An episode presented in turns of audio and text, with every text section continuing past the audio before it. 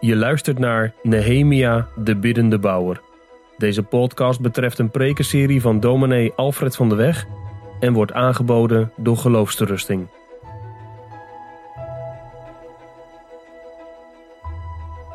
Met de prekenserie van Nehemia zijn we aangekomen bij het achtste hoofdstuk en daarom openen wij het woord van morgen bij Nehemia 8 en lezen vanmorgen de eerste dertien versen. Het ligt in de bedoeling rond het avondmaal driemaal bij dit hoofdstuk stil te staan. Nehemia 8, vanmorgen dus de eerste dertien versen.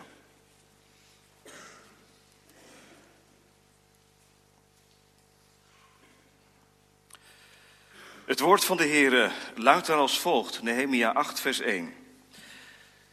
Toen de zevende maand aanbrak en de Israëlieten in hun steden waren, verzamelde heel het volk zich als één man op het plein dat voor de waterpoort ligt. En zij zeiden tegen Ezra, de schriftgeleerde, dat hij het boek moest brengen met de wet van Mozes, die de Heere Israël had geboden.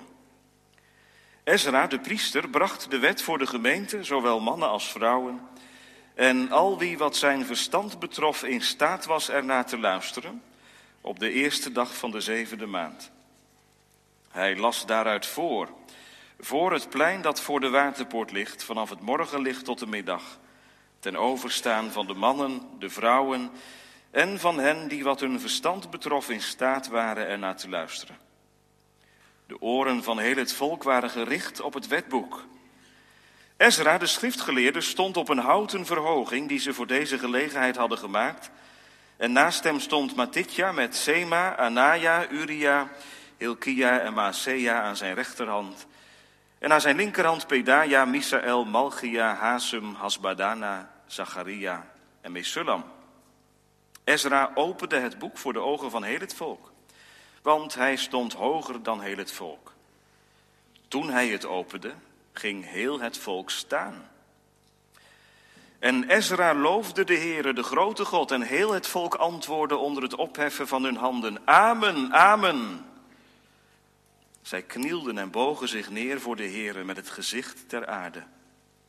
Jezua, Bani, Serepja, Jamin, Akkub, Sabbetai, Hodia, Maaseja, Kelita, Azaria, Jozabat, Hanan, Pelaja en de Levieten onderwezen het volk in de wet en het volk stond op zijn plaats. Zij lazen uit het boek voor, uit de wet van God, gaven uitleg en verklaarden de betekenis, zodat men de voorlezing begreep. En Nehemia, hij was zijn excellentie de stadhouder, Ezra, de priester en schriftgeleerde, en de levieten die het volk onderwezen, zeiden tegen heel het volk, deze dag is heilig voor de Heere uw God. Rouw dan niet en huil niet. Heel het volk huilde namelijk toen ze de woorden van de wet hoorden. Verder zei hij tegen hen: Ga, eet lekkernijen en drink zoete dranken. En deel uit aan hen voor wie niets is klaargemaakt, want deze dag is heilig voor onze Heere. Wees niet bedroefd, want de vreugde van de Heere, dat is uw kracht.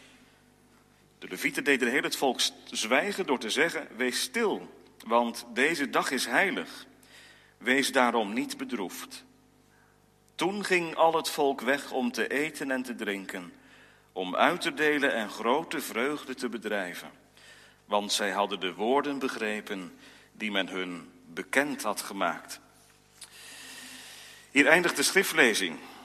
Met de hulp van de Heer verkondig ik u het woord vanmorgen aanleiding van de tekst die u vindt in Nehemia 8, vers 9 tot en met 11. Dat zal de tekst zijn. Nehemia 8, vers 9 tot en met 11. Laten we die woorden nog een keer lezen. Zij lazen uit het boek voor, uit de wet van God, gaven uitleg en verklaarden de betekenis zodat men de voorlezing begreep. En Nehemia, hij was zijn excellentie, de stadhouder, Ezra, de priester en schriftgeleerde, en de levieten die het volk onderwezen, zeiden tegen heel het volk, deze dag is heilig voor de Heere uw God. Rouw dan niet en huil niet. Heel het volk huilde namelijk toen ze de woorden van de wet hoorden. Verder zei hij tegen hen: Ga, eet lekkernijen en drink zoete drank. En deel uit aan hen voor wie niets is klaargemaakt. Want deze dag is heilig voor onze Heer. Wees niet bedroefd. Want de vreugde van de Heere, dat is uw kracht. Straks gaan wij daarnaar luisteren. Zoals gewoon zijn, lezen we in het voorbereidings, de voorbereidingsdienst het eerste gedeelte uit het avondmasformulier.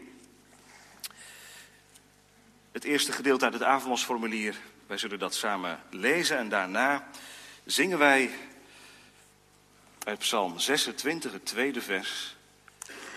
Psalm 26, het tweede vers. Beproef vrij van omhoog mijn hart, dat voor uw oog alwetende steeds open lag. Psalm 26, vers 2.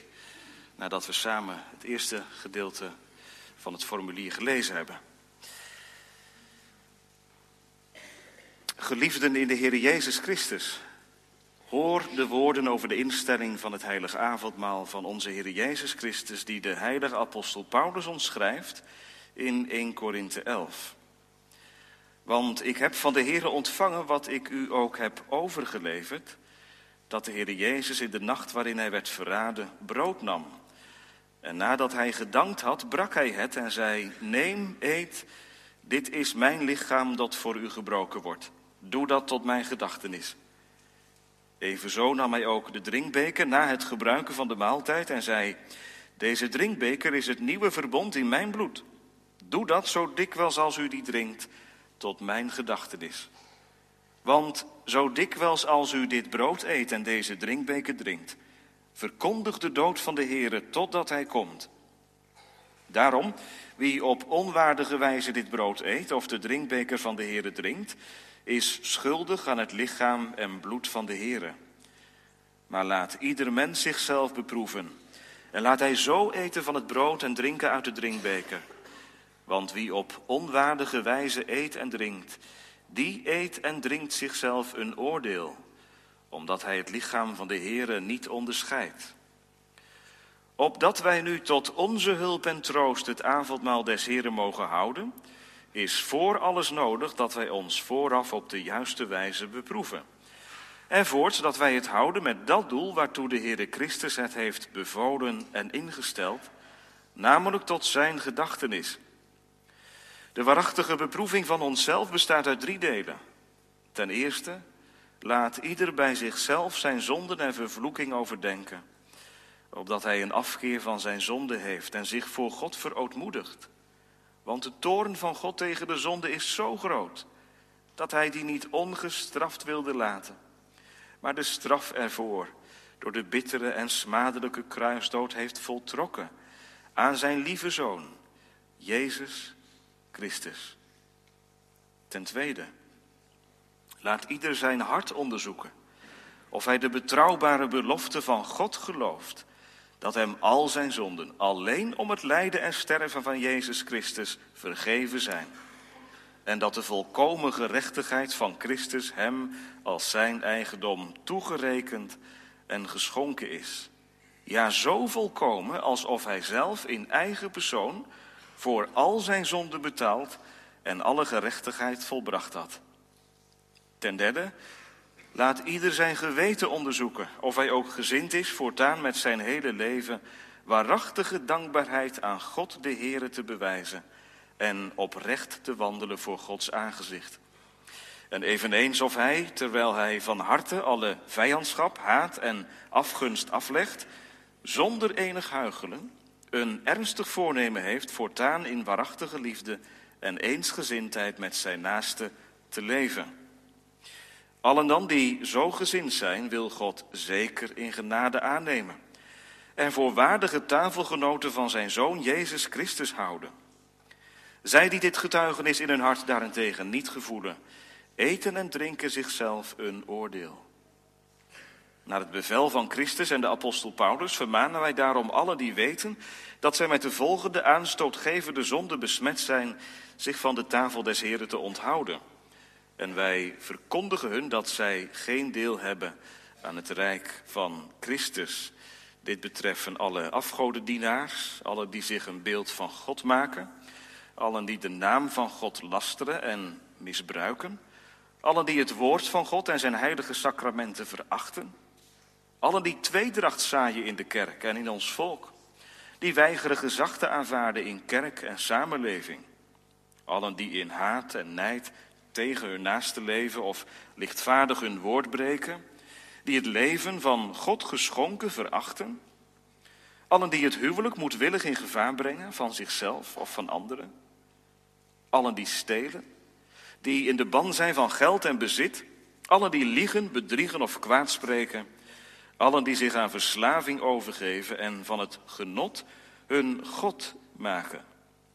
Zolang zij aan zulke zonden vasthouden, moeten zij zich onthouden van dit brood en deze wijn, die Christus alleen voor zijn gelovigen bestemd heeft, opdat hun straf en veroordeling niet des te zwaarder worden. Maar dit alles wordt ons, geliefde broeders en zusters, niet voorgehouden om de verslagen harten van de gelovigen te ontmoedigen, alsof niemand tot het avondmaal des Heren zou mogen gaan, dan wie zonder enige zonde is. Want wij komen niet tot dit avondmaal om daarmee te tonen dat wij in onszelf volkomen en rechtvaardig zijn. Integendeel, omdat wij ons leven buiten onszelf in Jezus Christus zoeken, beleiden wij daarmee dat wij midden in de dood liggen. Wij erkennen dat wij nog vele zonden en gebreken in onszelf aantreffen.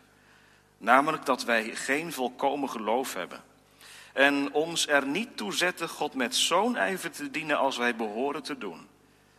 Maar dagelijks strijd hebben te voeren met de zwakheid van ons geloof en onze verderfelijke begeerten. Ondanks dit alles, omdat wij door de genade van de Heilige Geest van harte bedroefd zijn over zulke gebreken. En wij verlangen tegen ons ongeloof te strijden en naar alle geboden van God te leven, zullen wij er nochtans ten volle van verzekerd zijn dat geen zonde of zwakheid die nog tegen onze wil in ons overgebleven is, ons kan verhinderen dat God ons in genade aanneemt en ons zo deze hemelse spijs en drank waardig en deelachtig maakt.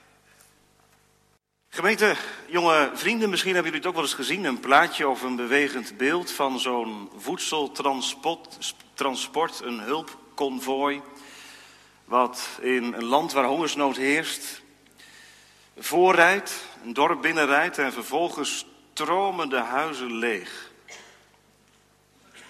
Want als er honger is en er komt zo'n hulpconvooi en er is eten en er is drinken, dan weet je niet hoe snel je er wezen moet, toch? Nou, iets dergelijks gebeurt in Nehemia 8. Het gaat dan niet over eten en drinken. Het gaat over het woord van God. De Israëlieten die verzamelen zich als één man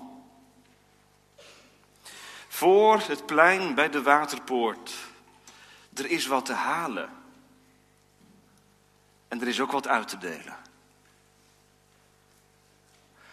God bezoekt zijn volk.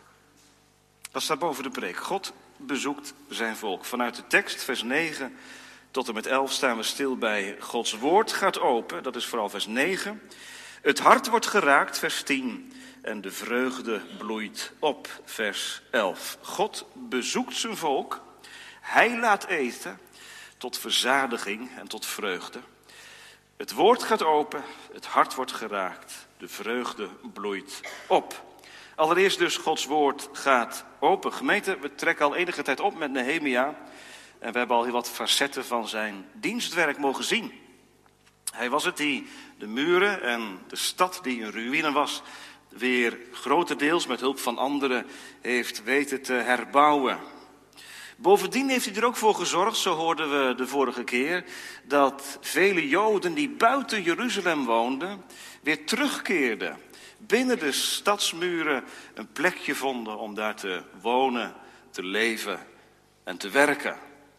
En, ik merkte dat vorige keer ook al op, je zou kunnen denken, nou dan zijn we er wel. En nu kunnen we de draad weer oppakken. Het leven weer leven. Bewaking is inmiddels ingesteld. De poortdeuren, kinderen, die hangen in de poorten. Dus gevaar van buiten wordt geweerd.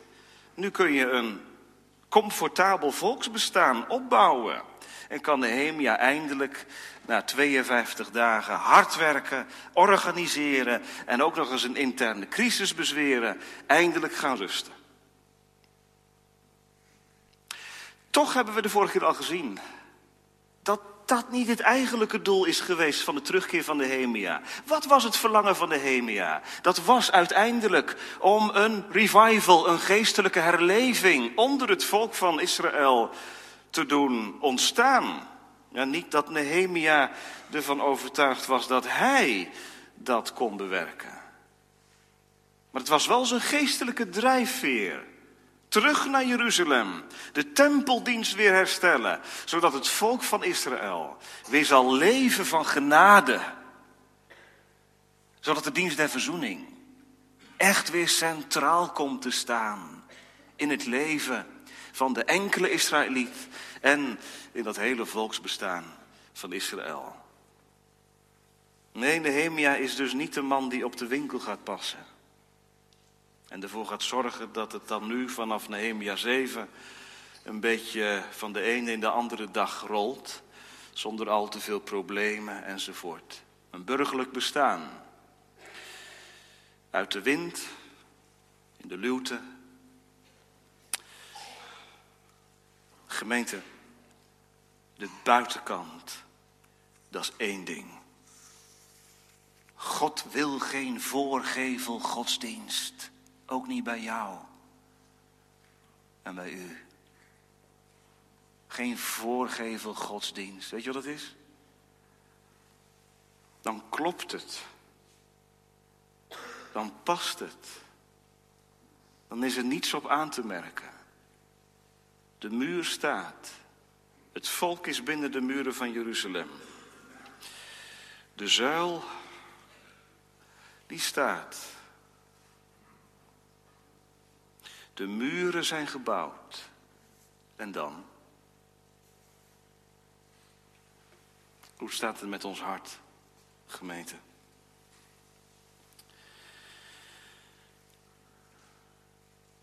In Nehemia 8 lezen wij, althans zo kunnen we dat interpreteren, wat er in het hart leeft van de Israëlieten. Als zij zich als één man verzamelen op het plein dat voor de waterpoort ligt, dan doen ze dat niet zonder reden. Ze komen, waarom? Om het woord van God te horen. Ze verlangen naar meer. Dominee, het thema van de preek was God bezoekt zijn volk. Maar eigenlijk draait u het nu om. De mensen die komen naar het plein op, voor de waterpoort. Zij willen, ja, zij willen. Maar weet u, als u wilt, is het al vrucht geweest van Gods opzoekende liefde. Als jij verlangen gaat naar God, naar Christus, naar de Heilige Geest, dan is dat al ingezet, aangezet door Hemzelf. Het thema van de preek is niet zomaar gekozen. God bezoekt zijn volk. Dat zit erachter. God wekt honger. Wekt dorst. Zo doet hij dat nog hè, in 2019. Hier en daar, bij deze en gene, honger en dorst wekken. Naar de levende God. Al het andere, dat verzadigt niet. Daar krijg je plezier van, kun je een kick van oplopen, maar uiteindelijk is het niet duurzaam. Wij willen het woord van God. Ze zeiden tegen Ezra, de schriftgeleerde, vers 1, dat hij het boek moest brengen met de wet van Mozes. Die de Heer Israël had geboden. Geef ons Gods woord. Prachtig gemeente. Dat heeft Nehemia niet bestuurd. Voor elkaar gekregen. Dat krijgen dominees niet voor elkaar. Dat doet de Heilige Geest. Waar de gemeente samenkomt, daar ontstaat iets. Dit verlangen, gemeente, wat wij hier in Nehemia 8 lezen, dat is geen verlangen wat in ons hart leeft. Laten we dat ook even heel duidelijk tegen elkaar zeggen. Dat is geen verlangen wat van nature ons eigen is. Dat wordt in ons hart gelegd. En daarom blijkt Nehemia 8 het hoofdstuk te zijn van het bezoek van de hoge God aan het volk. Honger naar het woord. Wonderlijk, wij hebben geen honger naar het woord. Hooguit heeft het woord een plekje in ons leven. Maar eigenlijk staat het ons ten diepste tegen. Dat woord van God. Want het woord van God moet ons maar eens gaan lezen, gemeente. Als wij het gaan lezen, kunnen wij het met ons meelezen. Maar het woord moet ons maar eens gaan lezen. Tegen ons ingaan. Ons raken. De vinger op de zere plek leggen. Dat. Toch is dat wel iets waar God op aanwerkt. Honger naar het woord. Ook als het woord oordeelt, pijn doet, insnijdt. Gemeente, deze mensen hier op het plein voor de Waterpoort komen samen. Ze willen aangesloten worden op de bron. Zij beseffen, wij kunnen met elkaar wel een bestaan opbouwen, maar God en zijn dienst, dat is niet iets wat wij voor elkaar krijgen. Wij hebben het nodig dat we door het woord onderwezen worden. En dat de Heilige Geest ons leidt in de waarheid. Nou, en zo geschiet. En dan is het niet Nehemia die het woord opent. Nee, ze vragen naar Ezra. Ezra zijn we nog niet tegengekomen in Nehemia. Het boek Ezra voor Nehemia, dat gaat over Ezra. Ezra heeft een heel andere taak dan Nehemia. Nehemia is meer de man van de organisatie, de leidinggevende. Ezra is de man van het woord, de priester, de schriftgeleerde. En hem vragen ze. En mooi is dat, Nehemia laat dat ook gebeuren. Nehemia doet een stap terug en Ezra doet een stap naar voren. En dan hebben ze een houten verhoging gemaakt, lezen we in vers 5. Eigenlijk zeg maar zo'n soort uh, preekstoel, zoals u vanmorgen hier ziet. Een houten verhoging. Dat is niet bedoeld om, u boven, om mij boven u uit te laten komen, figuurlijk, hooguit letterlijk, zodat u mij goed kunt zien. Maar die houten verhoging is bedoeld om aan te geven, het woord van God moet ons allemaal bereiken. Waar je ook zit in de kerk, waar je ook staat op het plein voor de waterpoort, hoor en je ziel zal leven. Kinderen, weet je hoe lang die uh, preek geduurd heeft? Het volk stond er van smorgens af, vers 4, tot smiddags. Zeg maar een uur of vijf à zes heeft het volk gestaan, niet gezeten op comfortabele stoelen en banken zoals u, maar gestaan. En ze hebben geluisterd naar de voorlezing uit het woord van God. Als je honger hebt en er is wat te halen, ben je niet snel tevreden. Het woord gaat open en er is een schare van mensen die vragen: Leid ons in uw waarheid, want u bent de God van ons heil. Nou, gemeente, daar bloeit het geestelijke leven op en open. Een echte opwekking ontstaat daar, waar het woord van God tegen ons ingelezen wordt. En wij buigen voor het woord. Dat scherp snijdende zwaard wat ons ontleedt, wat ons schuldig stelt voor God, wat ons laat zien wat er aan schort. Dat woord van God, dat gaat open. En hoewel het pijn doet, zeggen de mensen niet na een uurtje, laat maar. Ze blijven doorluisteren. Ze luisteren door. Eerlijk gemaakt. Dat kan niet anders. Nou gemeente, dat is ook echt nodig hoor in de voorbereidingsweek. Ja, niet alleen in de voorbereidingsweek. Ons leven dient een eerlijk verhaal te zijn. Voor het aangezicht van de Heer. Wij zongen net samen, en ik weet natuurlijk niet hoe u dat gezongen hebt. En u weet van mij niet hoe, hoe ik dat gezongen heb. Maar we vragen het elkaar. Beproef vrij van omhoog. Mijn hart dat voor uw oog al wetende steeds open lag. Heb je het gezongen met je hart? Heere God, het ligt open voor u. U weet wat er in is en niet in is. En heb je gebeden, laat het woord van morgen en deze week dan maar tegen mij ingelezen worden. Laat dat woord opengaan. Laat het woord maar pijn doen. Maar laat het mij brengen bij de bron. Daar moet ik zijn, om daaruit te leven.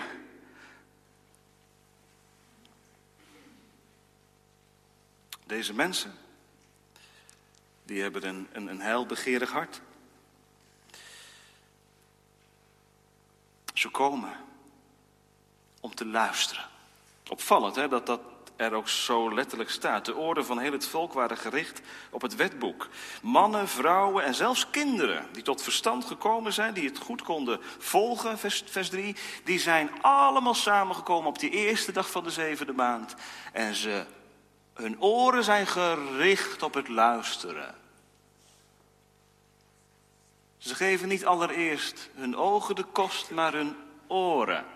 Dat is ook typerend gemeente voor een gemeente die leeft bij het woord, die komt om te luisteren. Meer nog dan dat je komt kijken hoe die man het doet, daar op de preekstoel. Allereerst de oren, want het geloof is uit het gehoor. En het gehoor uit het gepredikte woord van God. Hun oren waren gericht. Zeg eens, jonge vrienden, zit je zo in de kerk? Je oren gericht op te luisteren. Daar begint het. Met eenvoudigweg luisteren. Dat is de ingang die de Heilige Geest gebruikt om het woord ook kracht te laten doen in je hart. Ik kom om te horen wat de Geest tot de gemeente zegt.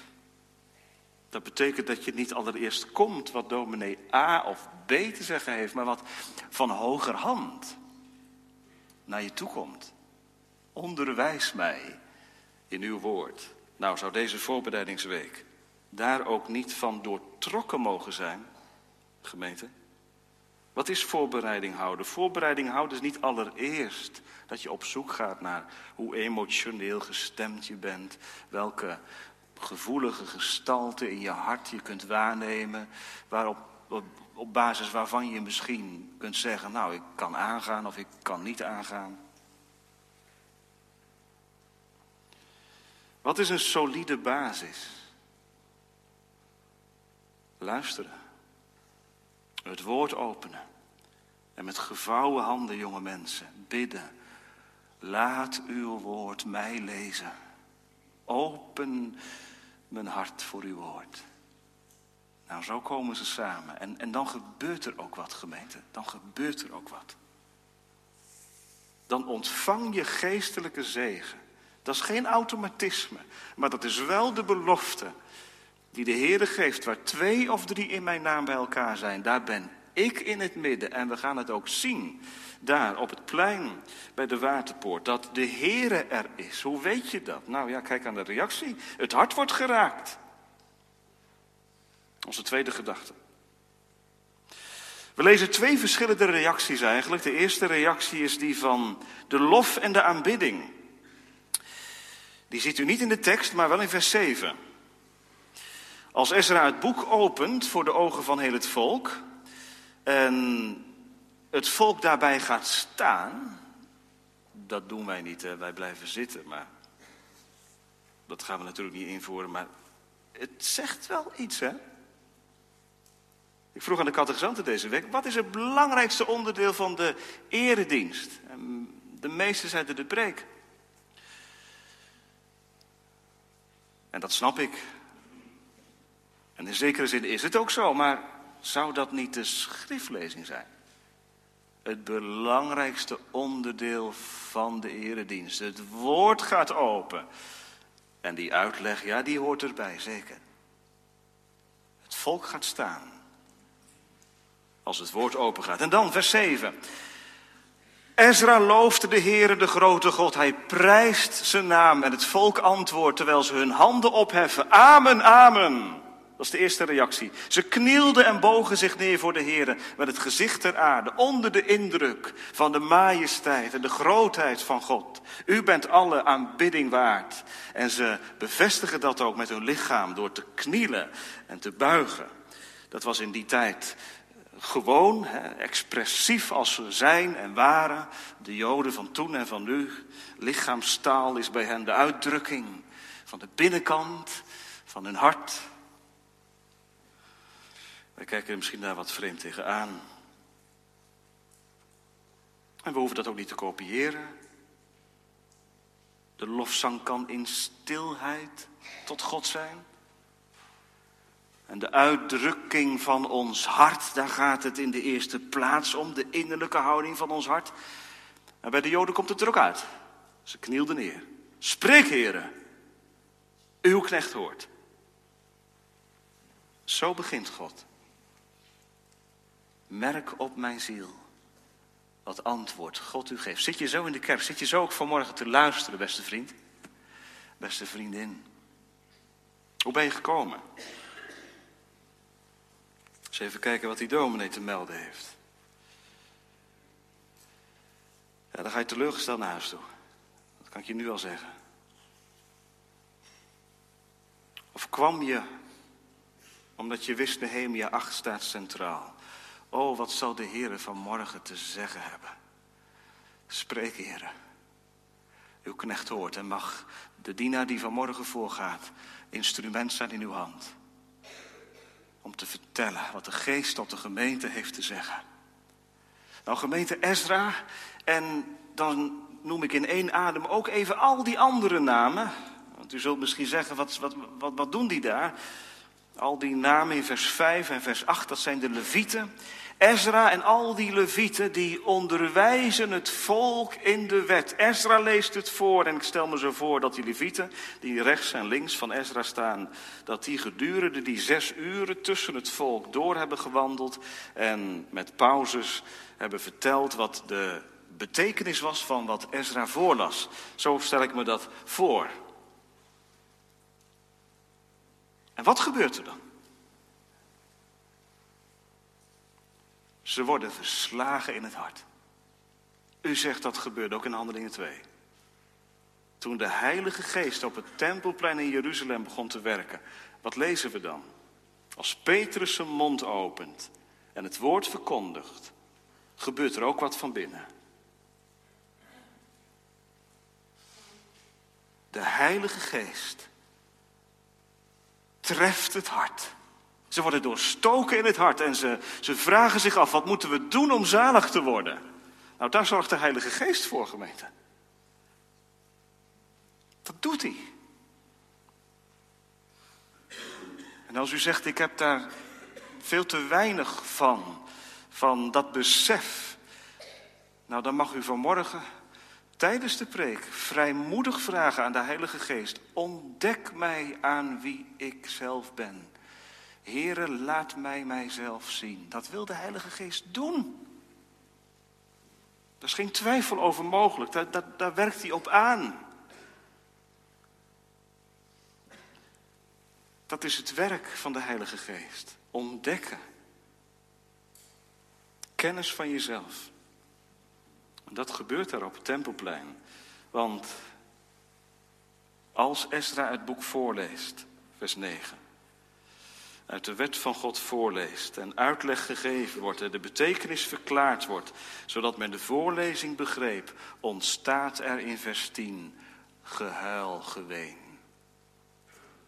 En dat is zo goed voor ons gemeente om scherp te hebben vanmorgen. Waar, waar ontstaan geestelijke emoties? Er zijn heel wat emoties, ook in de kerk. Aangedaan, geroerd, een traan hier, een traan daar. Wat is wezenlijk? Dat het woord voorop gaat. Vers 9. Ze lazen uit het boek voor, uit de wet van God.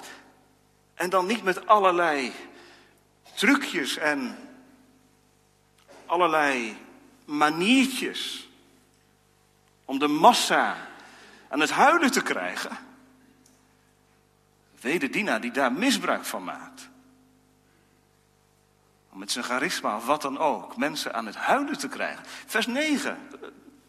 Zo staat het de gemeente en zo geschiet het. Ze lazen uit het boek voor uit de wet van God, gaven uitleg en verklaarden de betekenis. Dat is spreken.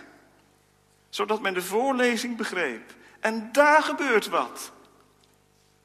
Het bijzondere werk van de Heilige Geest gebeurt door de gewone verkondiging van het woord. En niet door het bijzondere.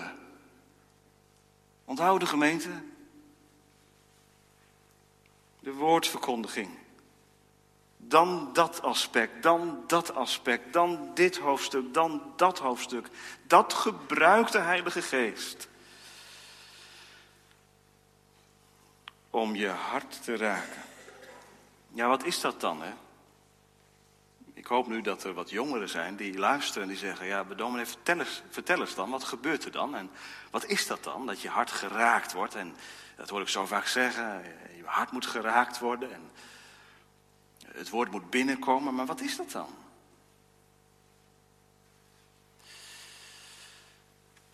Je krijgt zicht op wie je zelf bent. Hoe het woord je beschrijft. En dat is niet alleen iets van de eerste keer. Ik bedoel, bij het komen tot geloof, hè, dat je in, door je zonde kennis en ellende kennis op Christus gewezen wordt en in Hem je zekerheid en zaligheid vindt. Dat is ook iets doorgaans. En het avondmaal van volgende week wordt ook in die dubbelheid gevierd. Kennis van jezelf, kennis van Christus. Als het woordje raakt, word je zelf leeggeschud. En raak je ervan overtuigd, ik ben aangewezen op een ander, op de ander. Nou gemeente, vertel, bent u aangewezen, geraakt inmiddels op de ander, met een hoofdletter? Jezus Christus. Ellendekennis. Waar ontstaat dat? waar het oog geslagen is op jezelf en tegelijk op die goede God. En voorheen zeiden ze dat wel, hè? zondige tegen een goeddoend God. Nou dat. Dat je beseft, ik ben geen goedkope zondaar, ik ben iemand die door het woord erop gewezen is. Zondaar te zijn tegen een goede, genadige God. in die spanning tussen het enerzijds jezelf kennen en anderzijds de goedheid van God zien. Werkt de Heilige Geest aan op verbrokenheid van het hart. Het volk huilde namelijk toen ze de woorden van de wet hoorden. Kennis van jezelf en kennis van Christus. Niet los van elkaar.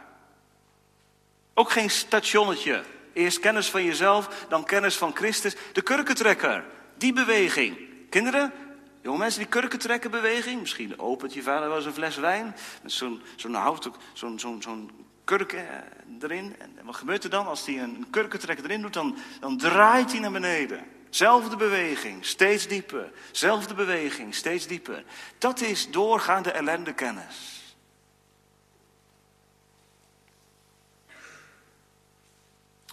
Ja, dominee, maar dat werkt wel tranen uit. Had ik ze maar. Ja, het is hier heel expressief, hè, die tranen. Het volk huilde massaal. Het is ook een hele sterke emotie huilen. En ik zeg niet dat, dat er geen tranen bij komen als je jezelf leert kennen. misschien dat de meeste tranen wel van binnen gehuild worden. In plaats dat ze er echt uitkomen. In ieder geval dit. De Heilige Geest werkt aan op bewustwording van jezelf. En als er tranen komen, is dat nooit rendabel. Deze week, gemeente, kunnen wij geen rendement uit onze tranen halen. Want de verslagenheid van het hart is geen doel in zichzelf. De verbrokenheid van het hart is wel wezenlijk. En blijft ook wezenlijk. Is geen gepasseerd station. Verootmoediging van jezelf. Zoals daar gebeurt op het plein voor de waterpoort. Droefheid naar God is nodig, maar niet het hoogste. En ook niet het eigenlijke. Wat zegt Paulus later? De droefheid naar God die werkt een onberouwelijke bekering tot zaligheid uit. We moeten beseffen, gemeente, dat de heiligheid van God meer is dan de droefheid over onze onheiligheid. Want dat is wat Nehemia gaat zeggen. Jullie huilen vanwege je zonde. Je bent geraakt. Maar u hoeft niet te huilen. Wat is dat nou? Vindt u Nehemia ook niet een beetje een uh, goedkope dokter? Kwakzalver?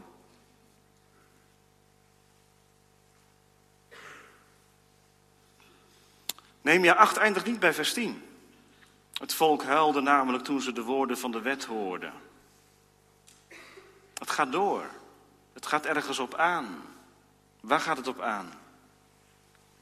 De Heilige Geest werkt aan op, nieuwtestamentisch gezegd, de Heer Jezus Christus. De Heilige Geest werkt nooit aan op droefheid en verslagenheid van het hart. Dat gebruikt hij.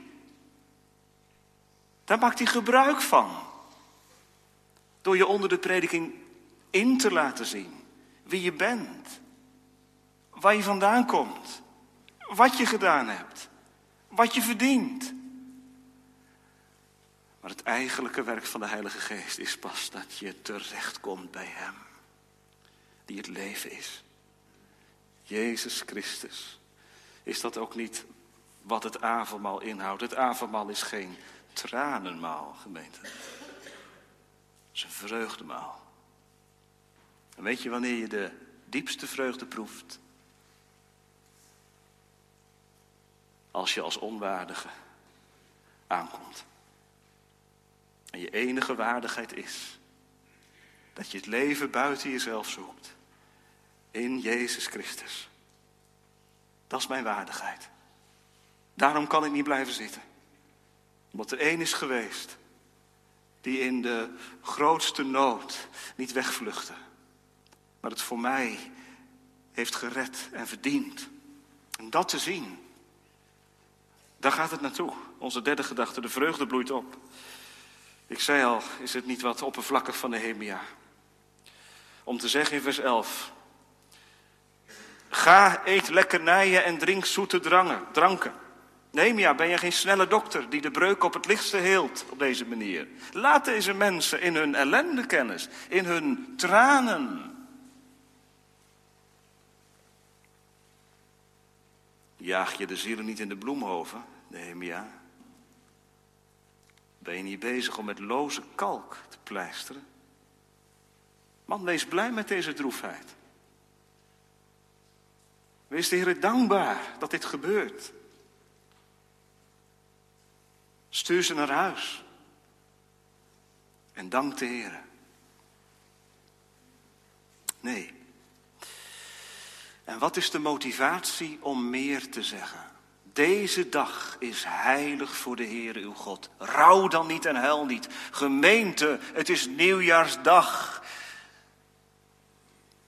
Feestdag. Godsdag. Nehemia is geen oppervlakkige man. Hij spreekt over heiligheid. Hij heeft het over een heilige dag. En deze heilige dag van God hoort bij de heilige God. Huil niet. Rouw niet. Eet en drink, wees vrolijk, want de vreugde van de Heere, die, dat is uw kracht. Wat is jouw kracht? Deze week. Zijn dat toch misschien die tranen, toch het zoeken naar een bepaalde gestalte, gemoedsgesteldheid van je hart, waarvan je denkt, ja, maar dat kan toch Gods oog wel behagen.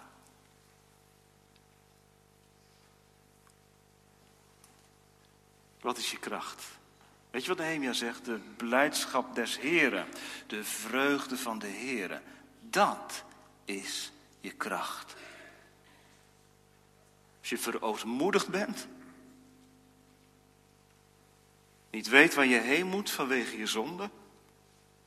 Huilt vanwege alles wat je misdreven hebt. Misschien wel onder de preek van morgen dat je zegt. Het avondmaal dat is veel te veel te ver. Veel te groot.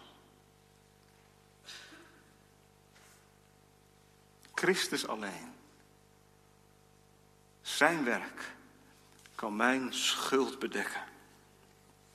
Hier ziet u gemeente dat verslagenheid geen doel is in zichzelf.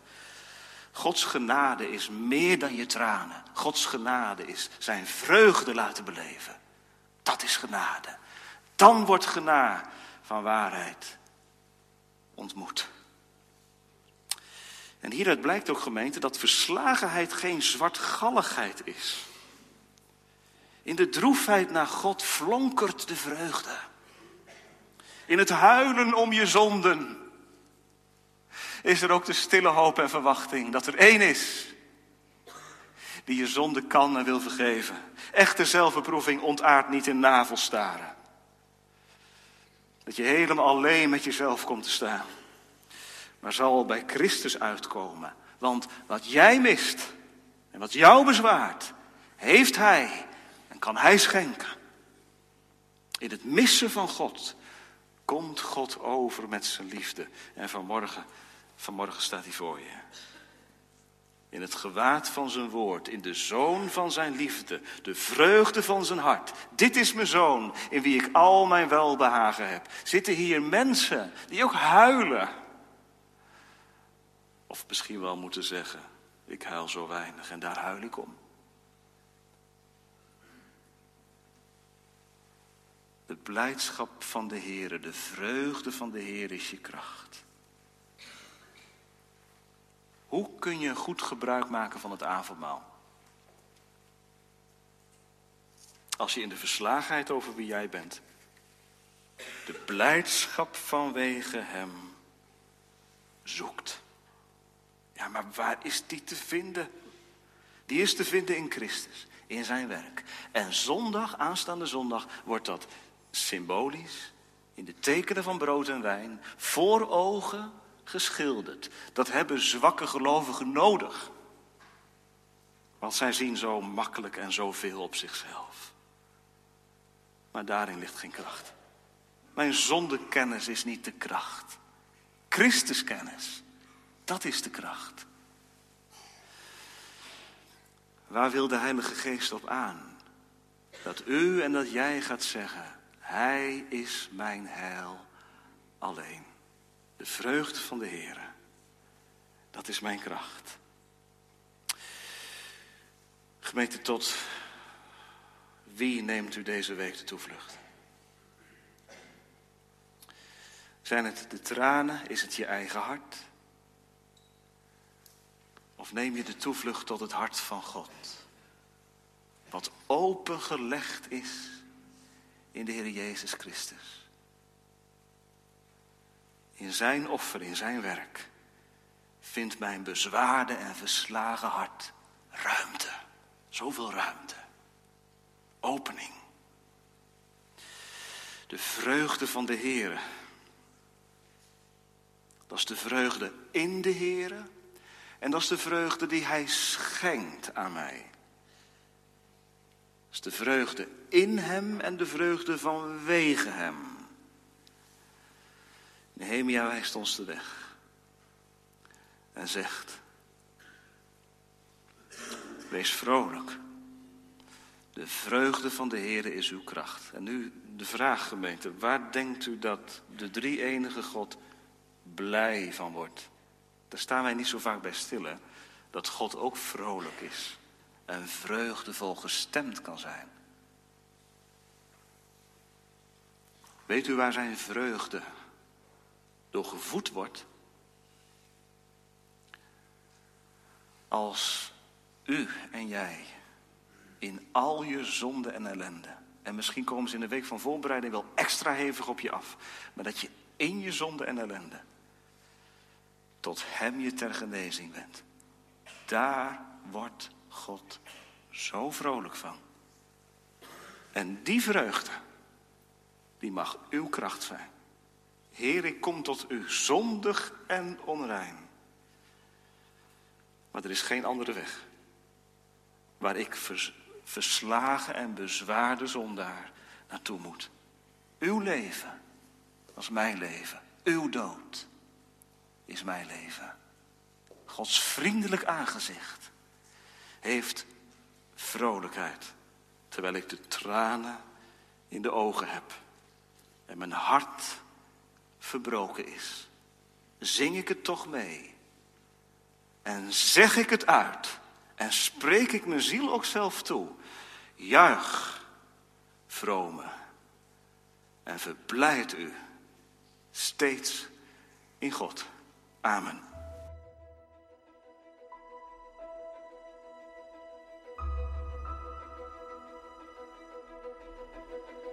Je luisterde naar een podcast van Geloofsterusting. Wil je meer luisteren, lezen of bekijken? Steun dan onze missie en ga naar de website geloofsterusting.nl.